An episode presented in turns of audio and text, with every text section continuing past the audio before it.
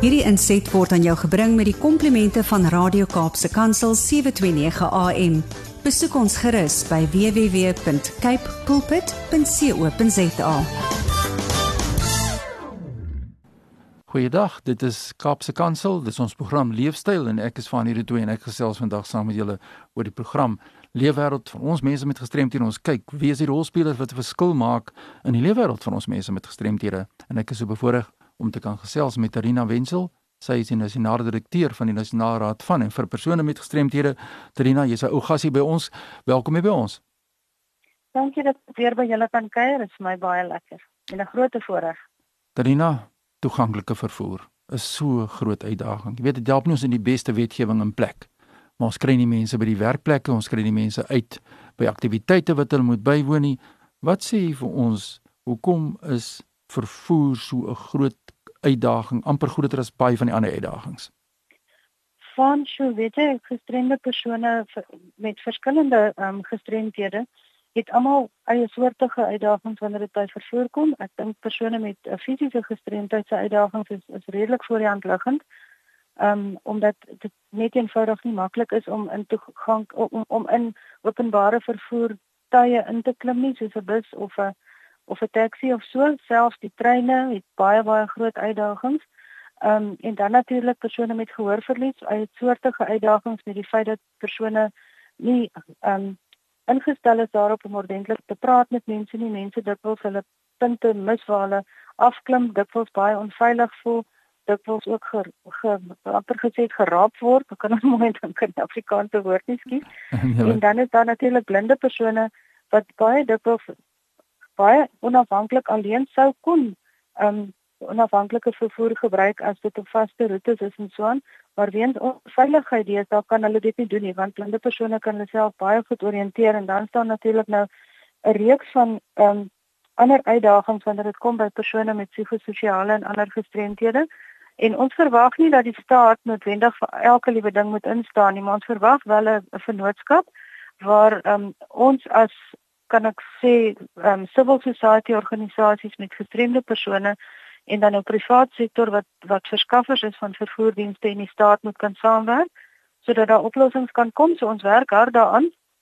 En dan ehm um, um, het ons maar baie keer teleurstellings. Een groot teleurstelling wat ek weet almal altyd oor praat en en ons toegegooi word met navrae is die kwessie van die ouens wat wel nog kan bestuur of wat wel toegang het tot um, 'n voertuig van 'n ja. instansie of van 'n vriend of so waar hulle met 'n parkeerskyfie redelik naby 'n ingang sou kon parkeer en dit bietjie onafhanklikheid en en so kan gee energie kan spaar en dat ons nou nog nie 'n nasionale parkeerskyfie het nie ten spyte daarvan dat ons en Pro Bono ehm um, prokureurs die werk vir die departement eintlik gedoen het om dit in plek te sit. Hulle dit aanvaar het en nou besloer hulle vir alreeds meer as 2 jaar weer daarmee. Maar daar's darem suksesstories ook. So as jy my as jy dink daar's nog 'n tydjie wil ek graag daarvan vertel. Ja, Trina, dankie dat jy vir ons so breedvoerig deurgee. Ja, ons kyk ook nie na die diversiteit van persone met gestremdhede altyd ten opsigte van vervoer nie. So ek is bly jy het dit bietjie na vore gebring en ja. daar is ook so dat mense baie keer die meer sigbare forme van gestremthede makliker raak sien in ja. terme van hulle behoeftes. So ek is baie dankbaar daarvoor. Ja, so die laaste gedeelte van ons program of ons gesprek vandag wil ek graag net met jou gesels oor dan daardie hoogtepunte, iets wat jy vir ons kan deurgee as ja. wat ons nou opgewonde kan maak want ons jaarliks het ons natuurlik nou hier in November en Desember baie sterk klem op die uitdagings van persone met gestremthede ook in hierdie saak ja. en daarom gee ons 'n bietjie so kykie in ja. wat ons kan gelukkig maak. Want daar's natuurlik wonderlike klomp goed wat ek oor kan praat wat 'n hele dag se program kan regverdig en regtig nie boring gaan wees nie, maar ek gaan vinnig een ding noem en dan nog tydjie een.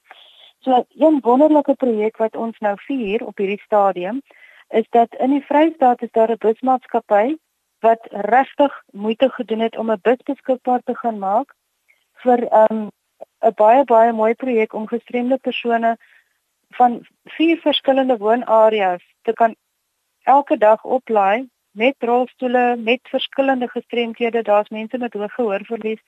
Daar's letterlik baie baie gestremde persone en hulle word almal gevat na hulle werkplek en dan word hulle weer in die middag teruggevat met veilige vervoer soos ons altyd sê safe and dignified transport, opgeleide drywer Ja. Ons was so so so opgewonde toe ons daai foto's kry van hierdie projek word nou 'n werklikheid en ons kan nooit vir so so vervoermaatskappy genoeg dankie sê dat hulle besluit het wel een van ons busse kan ons ten minste hiervoor aanwend. Ons wil graag baie busse toeganklik hê vir die jy weet sodat enige persoon op enige roete kan ry, maar hier het hulle dit nou goed gedink om 'n spesiale roete te volg, maar hulle laai letterlik 'n klomp mense, oor 60 mense wat hulle elke liewe dag oplaai en gaan aflaai en dieselfde storie weer in die aand.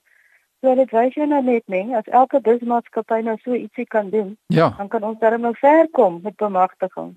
Ja, Trina, jy weet ons kan ook maak nie saak waar ons osself in Suid-Afrika vandag bevind wat nou luister na hierdie program.